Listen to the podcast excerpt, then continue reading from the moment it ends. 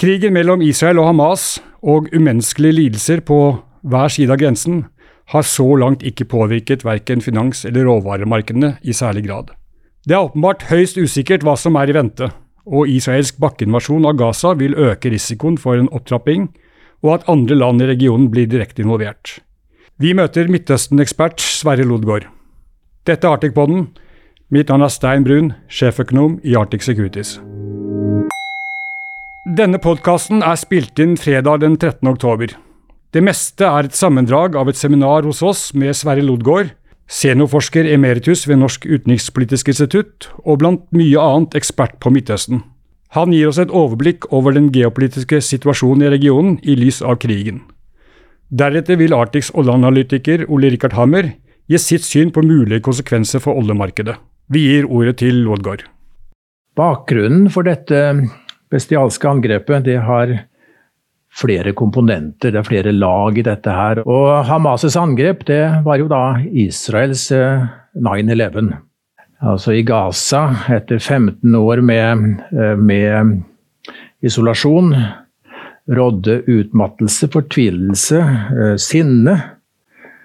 Et lag. Et annet lag at det har vært økende vold mellom den israelske militærmakten og palestinere på Vestbredden i det siste. Jeg har sett noen tall på dette, at det visstnok skal ha gått 200 palestinske liv så langt i år. Eh, også som en følge av konfliktene mellom eh, settlerne og, og palestinere. Og det har, eh, det har også avleiret seg i den arabiske opinionen i regionen. Og så har det jo vært en voksende følelse da, blant alle, palestinere. Av at de blir ignorert og glemt. Normalisering i regionen for øvrig. Men deres sak blir ikke tatt opp. Så alt det der hører med i, i bakteppet. Alle saker har en kontekst. Men verken Israel, Hezbollah eller Iran ser ut til å være interessert i at krigen sprer seg. Og hvis det ikke skjer, vil de regionale samarbeidsinitiativene bli fulgt opp med Kina som den økonomiske dominanten i regionen. I Israel må Netanyahu tre til side, til fordel for en ny, sterk leder.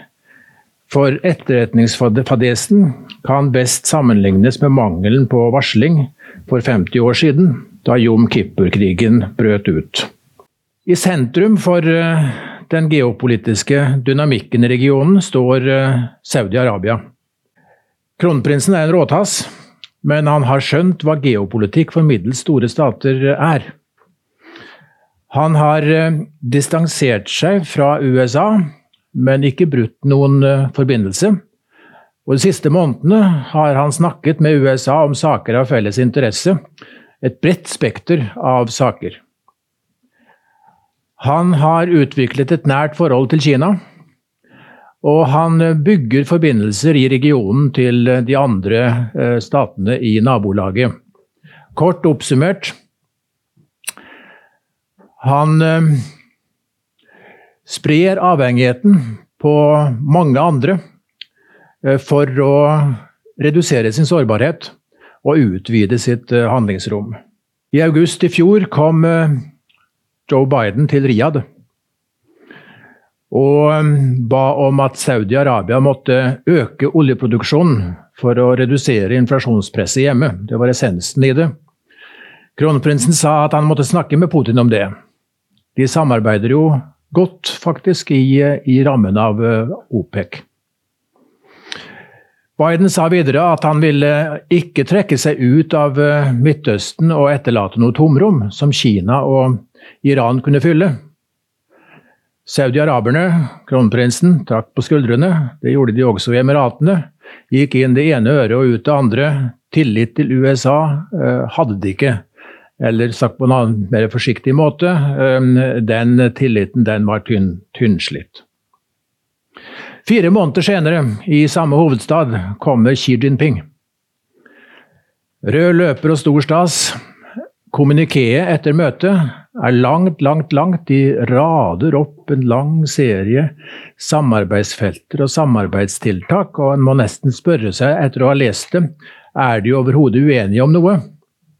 Og det var noe der da som var viktig, som ikke falt på plass på det møtet. Kina ville at eh, Saudi-Arabia skulle begynne å handle på oljebørsen i Shanghai og gjøre opp oljeavtalene i eh, yuan. Det var ikke saudi-araberne riktig rede til. Eh, naturligvis har de forstått at spiller de det kortet, ja, så har de brukt opp det. Eh, men truer de med å spille det, så kan de bruke det mange ganger. Og meg bekjent så står det spørsmålet fortsatt og stanger. Det har ikke blitt noe gjennombrudd der. Men gjennombruddet for samarbeid i regionen eh, kom eh, i mars i år. Da denne avtalen mellom, normaliseringsavtalen mellom Saudi-Arabia, Iran og, og Kina eh, falt på plass. Kina, vel å merke, har også undertegnet eh, den, den avtalen. USA ble tatt på senga. Da avtalen ble inngått, så kom det en melding fra Det hvite hus som egentlig forteller alt. Der het det at man hadde fått rapporter om at det var inngått en slik avtale, og så kom det noen kvalifiserte ord av eh, positivt slag. Dette kunne jo bringe noe godt med seg. Og så henviste man til Saudi-Arabia for videre informasjon. De var satt helt på sidelinja. Men så har de prøvd å komme tilbake igjen. Eh, de, I de siste månedene her, med utgangspunkt i de såkalte Abraham-avtalene, eh, som ble inngått i 2020, mellom Israel og på den andre sida Emiratene, Bahrain, Marokko og halvt om halvt Sudan. Normalisering, kjernen i det, er at man anerkjenner hverandre som suverene stater og etablerer diplomatiske forbindelser. Og så kan man bygge på, bygge på det. Eh, hva førte disse Abraham-avtalene til? I første omgang så ga Israel og USA militærstøtte eh, til de araberstatene som eh, ble med på leken. Eh, F.eks. viftet USA med F-35 foran nesa på Emiratene, sendte avanserte droner dit. Israel fulgte opp med kryssermissiler, ballistiske missiler, droner og luftvernutstyr. Og mye av det samme i forhold til, til Marokko. Og dette er typisk eh, for, for USA i første rekke, men også Israel. Så lenge Midtøsten var et område hvor det nesten alltid var konflikt og krig, så var den amerikanske verktøykassa relevant. For i den finner man først og fremst masse våpen. Dessverre finner man ikke for tiden så mye godt diplomati. Og når det gjelder økonomi, eh, så er USA handikappet, som jeg skal komme til. Eh, men nå, når Midtøsten snur seg i retning av mer samarbeid, ja, så er ikke den verktøykassa fullt så uh, relevant lenger. Det er et ordtak som heter at har man en hammer, så ser alle problemene ut som en spiker. Og her er det altså for amerikansk vedkommende fare for misvisning og, og feilvurdering ut ifra hva man har til rådighet i, i verktøykassa. Men igjen i forhold til disse andre arabiske partnerne eh, militær støtte for hva det var verdt. Økonomi mye mindre av det slaget. USA er sterkt handikappet der fordi at landet er blitt, som kjent, eh, proteksjonistisk. Tidligere het det i alle amerikanske sikkerhetsdokumenter av betydning at frihandel er essensielt for å bevare det amerikanske hegemoniet i verden. Gjentatt og gjentatt og gjentatt. Nå har de spilt fra seg det kortet og gitt det til Kina, som er glad for å eh, ta imot. Abraham-avtalene har så langt ikke ført til så veldig mye økonomisk samarbeid. Eh, I beste fall så er det en, en blandet eh, historie. I sommer og høst og i høst så har det altså utviklet seg et eh, ganske omfattende en ganske omfattende agenda mellom USA og, og Saudi-Arabia. Det var jo det kronprinsen refererte til i dette intervjuet med Fox News. Eh, hvor han ble kjent for å ha sagt at det er fortsatt et stykke vei å gå. Lang vei å gå, tror jeg han sa. Men vi kommer nærmere eh, dag for dag. Det er mange tolkninger av det utsagnet, hva han mente med det, for dette er jo en spiller. Så han spilte kanskje også på Kina og andre som kunne gi ham litt mer av det han var ute etter. Og det var eh, i hvert fall tre, tre ting. Han ville ha adgang til det mest moderne militære utstyret USA kunne tilby.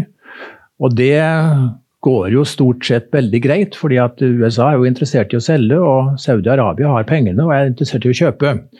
Så det er ikke den store anstøtstenen. Men så vil han også ha kjernefysisk utstyr. Hele det kjernefysiske kretsløpet, inklusive for anriking av uran. Og det skapte jo store problemer i Washington, som har ganske strenge ikke-spredningsregler å forvalte. Og så for det tredje, med bakgrunn i manglende tillit til USA, eh, så ville han ha en sikkerhetsavtale. En avtale som kunne forankres i Kongressen. Men to tredjedels flertall som kreves der, er det ganske sikkert umulig å, å oppnå.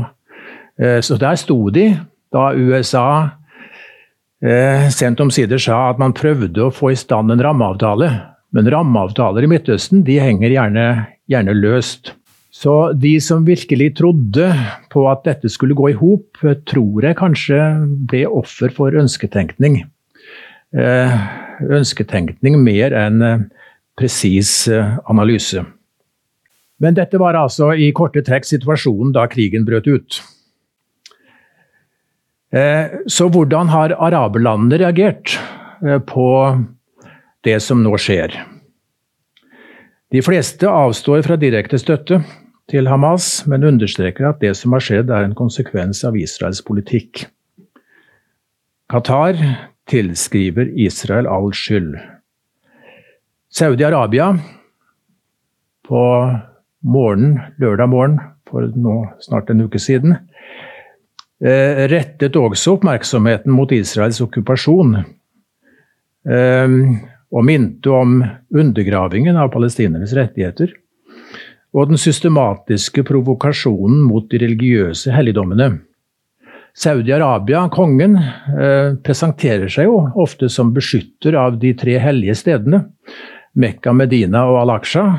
Og derfor var dette en anledning for å minne om det og påpeke dette. Iran, Syria og Hezbollah eh, støtter Hamas. Eh, det var som eh, forventet. Var angrepet forberedt sammen med Iran? Wall Street Journal mente å ha visst belegg for det.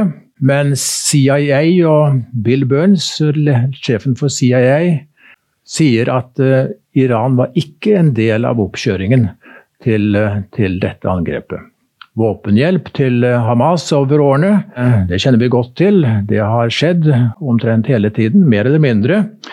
Men Burns mener altså at, at Iran ikke var direkte implisert i, i dette. Og Merk dere navnet Bill Burns. Han er en tungvekter i Washington. Han er en som nyter stor tillit der. Vel verdt å, å lytte til. Vil krigen spre seg? Verken Israel eller Iran er interessert i det. Altså, Israel er naturligvis ikke interessert i flere fronter. Ehm, og for Iran så er jo Hezbollah, militsene i Irak og, og Syria, de er en del av det framskutte forsvar i tilfelle Israel skulle angripe Iran. Og jeg tror ikke at uh, Iran i denne situasjonen er noe interessert i årelating. uh, i noen av, noen av de leddene. Altså ikke for så vidt Hezbollah angår, det er jo det det dreier seg om her.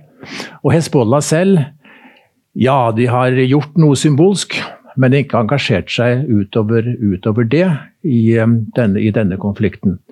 De fleste tror vel at Hezbollah heller ikke er interessert i at dette skal uh, spre seg.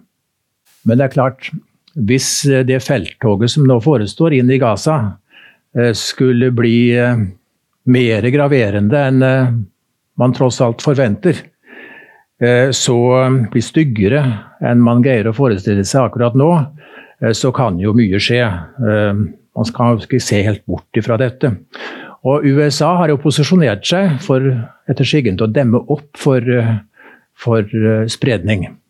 Med et hangarskip i det indre Middelhav og flere fly um, til basene på, på, land. Hva skjer da med normaliseringen mellom eh, Saudi-Arabia og Israel på litt lengre sikt? Jeg sa vel nettopp at den er skjøvet inn i en uviss framtid. Eh, og USA, som ønsket i denne forbindelsen å lage en felles front mot Iran, de kan jo bare glemme det. Glemme det eh, også fordi at avtalen mellom Saudi-Arabia, Iran og Kina eh, er ikke forenlig med en slik posisjonering.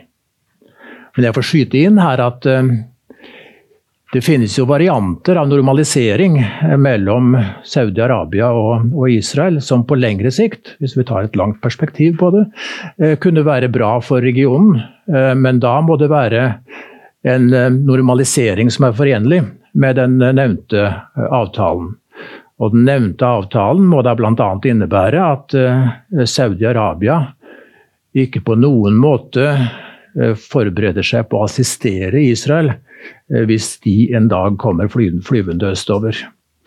Ehm, det er en klar konsekvens av avtalen, og noe som Saudi-Arabia åpenbart er rede til å liksom, ta på sparket og anskueliggjøre. Jeg tror, når ehm, vi tar utviklingen i den arabiske gata i betraktning, at eh, det er dårlige utsikter eh, for den normaliseringen i, i lang tid fremover. Jo mer brutalt Israel går fram nå i Gaza, desto mer vil en slik normalisering skyves på tida. Og vi har en rekke meningsmålinger som viser at eh, oppslutningen om Abraham-avtalene i, eh, i, det øvrige Midtøsten faller. Veldig entydig. Og eh, den støtten vil bli enda tynnere nå etter hvert som, som krigen skrider fram.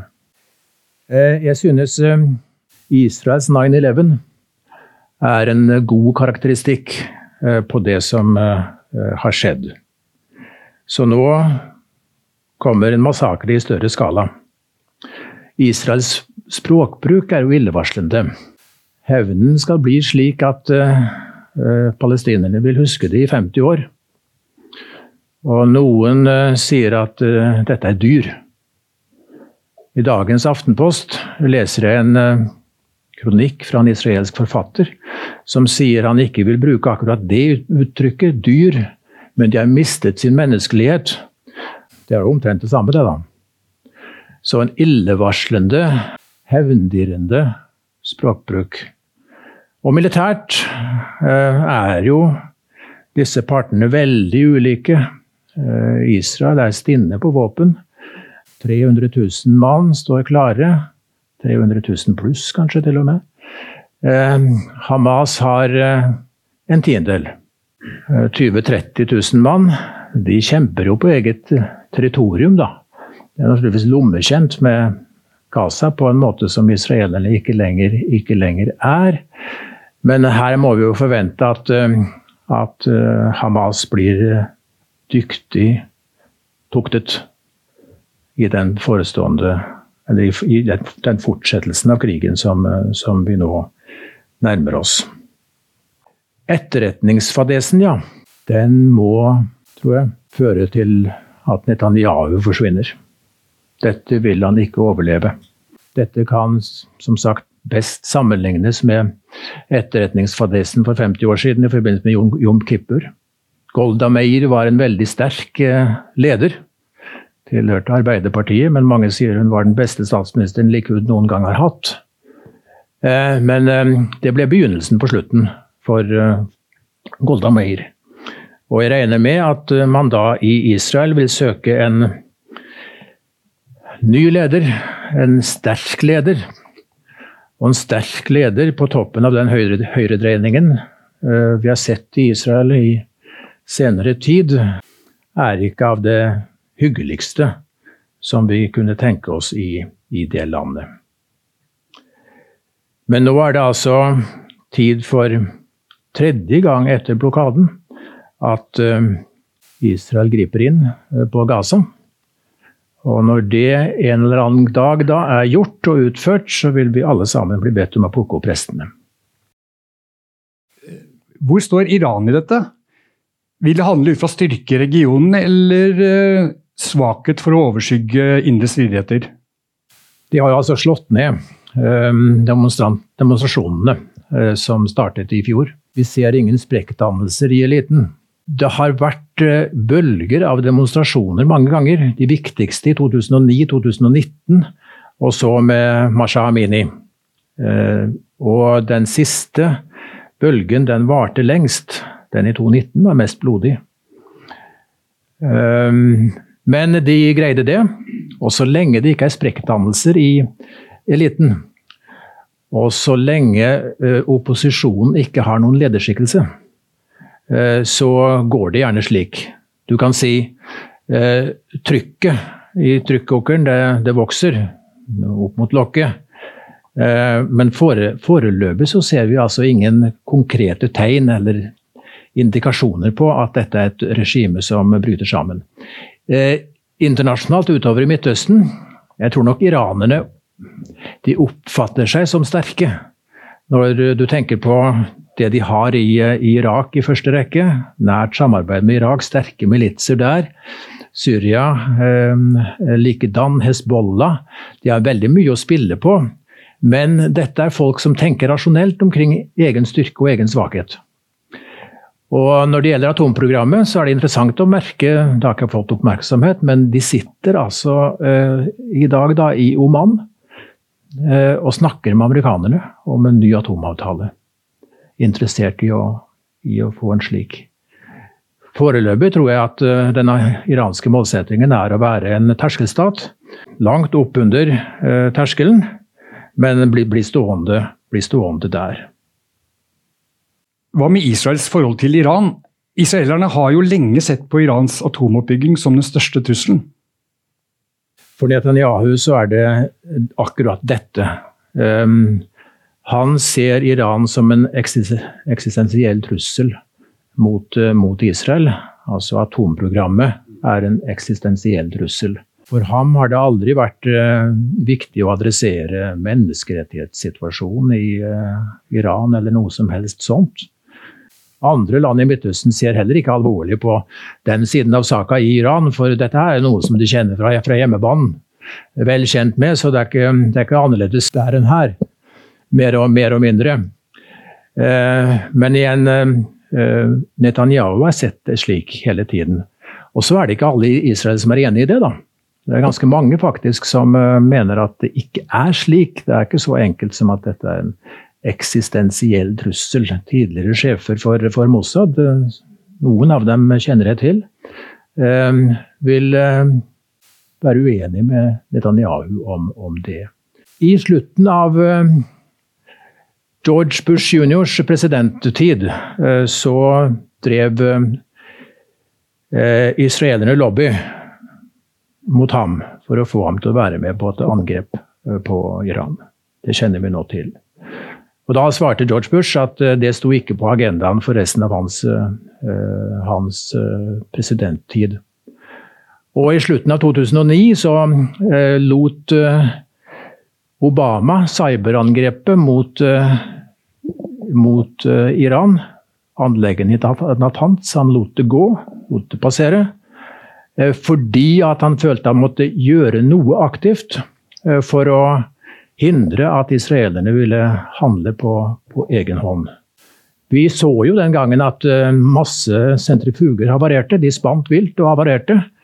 Og da var det vanlig å si en stund at uh, ja, det er jo fordi at de ikke mestret teknologien. Jeg så på rapportene fra IAEA og så at dette her skjedde i Natanz. Men det viste seg altså at forklaringen var en helt annen. Jeg sier dette her fordi at uh, dette har vært som det heter, blodig alvor. Det er ikke noen sånn konstruksjon. Eh, israelerne har sett eh, problematikken i, eh, i Hvitøyet, og gjør det fortsatt, men ikke så mye akkurat nå. Netanyahu måtte jo hele tiden ha kjernen i regjeringsapparatet med seg. Og det var ofte tvilsomt om han hadde det. Hva er logikken for Hamas med så massivt angrep? Det er jo nærmest som å sette i gang et kollektivt selvmordsoppdrag. Ja, det kan absolutt se slik ut som du, som du sa. Selvmordsoppdrag. Eh, og så må vi igjen eh, tenke på bakgrunnen. Utmattelse, fortvilelse, eh, sinne. Og da er ikke alt man gjør rasjonelt, like rasjonelt. Så dette kan man se fra forskjellige vinkler. Det er viktig å prøve å forstå det. Jeg er enig med deg at dette her kan jo altså en, faktisk ende med at eh, Hamas blir utryddet. Og da kan man jo ikke si at eh, angrepet var rasjonelt. Risikerer Israel med sin kraftige gjengjeldelse å bli sett på som å bruke de samme metodene som eh, Hamas? Jeg regner med at vi, vi kommer til å se forferdelige ting uh, i, de, i, de, nærmeste dagene. Uh, og jo mer forferdelig det blir, uh, desto mer rett vil du få.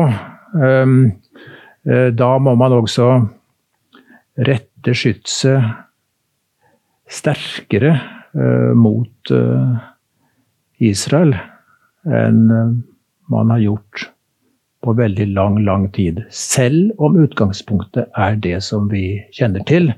Også Israel, som det heter, og repeteres hele tiden. Eh, må ha rett til å forsvare seg.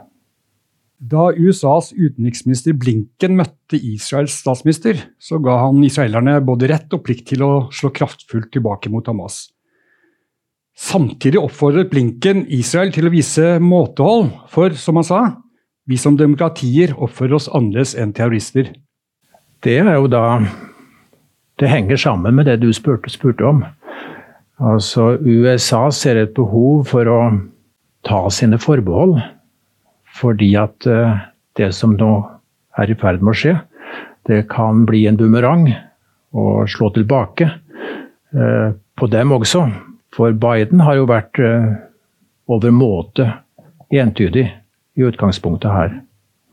Så Blinkens kommentarer var vel da en måte å redde seg inn på, slik jeg ser det. Han har jo selv en personlig bakgrunn. Hans stefar, Samuel Pisar, skrev en bok som uh, het 'Coexistence and Commerce'. Uh, altså om økonomisk samarbeid over øst-vest-skillet under den kalde krigen. Jeg var interessert i de problemstillingene selv på det tidspunktet og kommuniserte med ham. Og En dag så fortalte han meg altså om sin egen bakgrunn. Han kom ut av Auschwitz etter flere år der som 14-åring. Et mirakel hadde skjedd. Mm sterk bakgrunn for mange involverte her. Nå har vi gått tilbake til podstudioet podstudiet vårt, og jeg har med meg vår oljeanalytiker Ole Rikard Hammer. Du, Lodgaard mener jo, eller tror i hvert fall, at uh, Iran ikke blir direkte involvert i denne konflikten. Men det kan jo ikke utelukkes. Hva er din take på hvilke effekter det kan ha på oljemarkedet? Eh, min take er jo punkt én, som de aller andre, fleste andre. Jeg, jeg, håper det beste, men frykter det verste. Mm. Eh, men når jeg ser på, eh, på uh, rammen rundt situasjonen der nå, så, så, tror jeg at dette vil få effekt i oljemarkedet uansett. Årsaken til det er at, eh, er at vi har et fundamentalt veldig stramt oljemarked. Vi har stigende priser, det er godt forklart gjennom utviklingen i fundamentale forhold.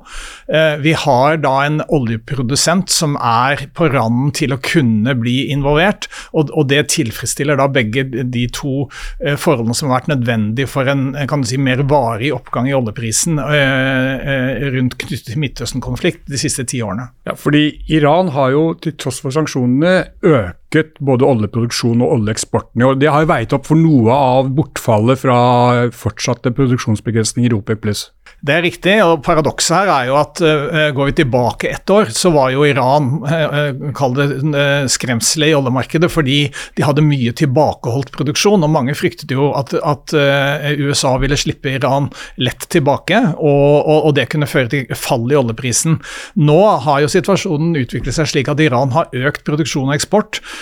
markedet har absorbert den oljen, og nå er jo situasjonen at Iran, iransk olje kan falle bort igjen fra oljemarkedet, og, og derved begrense tilbudet og, og presse prisene opp. Og da snakker vi oljepris godt over 100 dollar, eller? jeg, jeg, vil ikke bruke godt over, men jeg tror vi, kommer i hvert fall greit, veldig greit, eh, godt innenfor eh, det vi tror er Saudi-Arabias ønskeintervall, som er 90-110 dollar fatet. Ja, Men Saudi-Arabia ja. kan jo ønske også å unngå en ytterligere eskalering av konflikten her? Det er helt riktig, og noe av det viktige som har skjedd i løpet av uken, er jo at Saudi-Arabia har vist en utstrakt hånd eh, til Iran. Det har vært kontakt på toppnivå, og senest i går gjentok jo Saudi-Arabias olje, oljeminister at eh, de er kommittert til, til, prisstabilitet og ønsker å være proaktive i en sånn sammenheng. og Hele oljemarkedet leser jo av det, at de vil eh, reagere raskt på et eventuelt bortfall av iransk olje med å, å øke egenproduksjon. Ja, så Selvfølgelig, situasjonen er høyst usikker når vi står og snakker her nå. Høyst usikker. Høyst ja. usikker, Men, men uh, neppe at vi får noe 150 dollar Nei, da, worst case. Da, da, da, tror jeg vi er i en situasjon hvor, hvor vi, vi begynner, Iran blir trukket direkte inn. Man begynner å snakke stenging av Hormuzstredet og, og, den type skrekkscenarioer. Uh, i, i, en situasjon hvor det ikke skjer, så tror jeg likevel at vi, vi får en, en viss begrensning i oljetilbudet, fordi jeg tror iransk eksport eksport eh, nok kommer til å gå noe ned. De, eh, USA blir nok tøffere i sanksjonene. Eh, og Det blir uansett mer utfordrende å, handle med Iran, så jeg tror nok det kommer noe ned. Og den økningen som, som man ventet på i saudi-arabisk produksjon, hvis Iran ikke ikke blir aktivt involvert, så tror jeg Saudi vil vente med å øke produksjonen, for det kan ses på som en støtte til, til Israel, og ja. det vil være vanskelig for dem Men politisk. Men det er fortsatt en to og en halv måned igjen av disse produksjonskuttene? Det, det, er, det er, riktig. Så, så uh, vi, vi, snakker om, kan du si, på, på marginen uh, en viss tilstramming på, på, oljeproduksjon, selv uten at Iran blir involvert. Blir Iran involvert, så har vi et genuint oljeprissjokk uh, på våre hender. Tilbudsdrevet, og du som makroøkonom vet hva det kommer til å innebære for verdensøkonomien. Ja, det er negativt. Ja. Takk skal du ha. This podcast has been prepared by Arctic for information purposes only. The information, opinions, and recommendations presented in this podcast are for general information only, and any reliance on the information provided in this podcast is done at your own risk. This podcast should not be considered professional advice. The information provided in this podcast is not intended to constitute investment advice, nor is the information intended as an offer or solicitation for the purchase or sale of any financial instrument. Relevant and specific professional advice should always be obtained before making any investment or credit decision. It is important to note that past performance is not indicative of future results. This podcast does not fulfill the criteria for preparing investment research and must be seen as marketing material. All information information submitted during this podcast is obtained from public sources that Arctic believes to be reliable, but which Arctic has not independently verified. Arctic makes no guarantee, representation, or warranty as to its accuracy or completeness. No liability whatsoever is accepted for any direct or indirect, including consequential, loss or expense arising from the use of information from this podcast.